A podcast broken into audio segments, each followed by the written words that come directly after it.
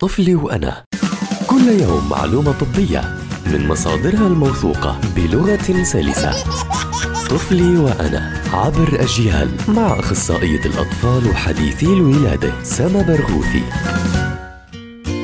أهلا وسهلا بمستمعي ومستمعات أجيال عبر منصاتها المختلفة. تأخير قطع الحبل السري.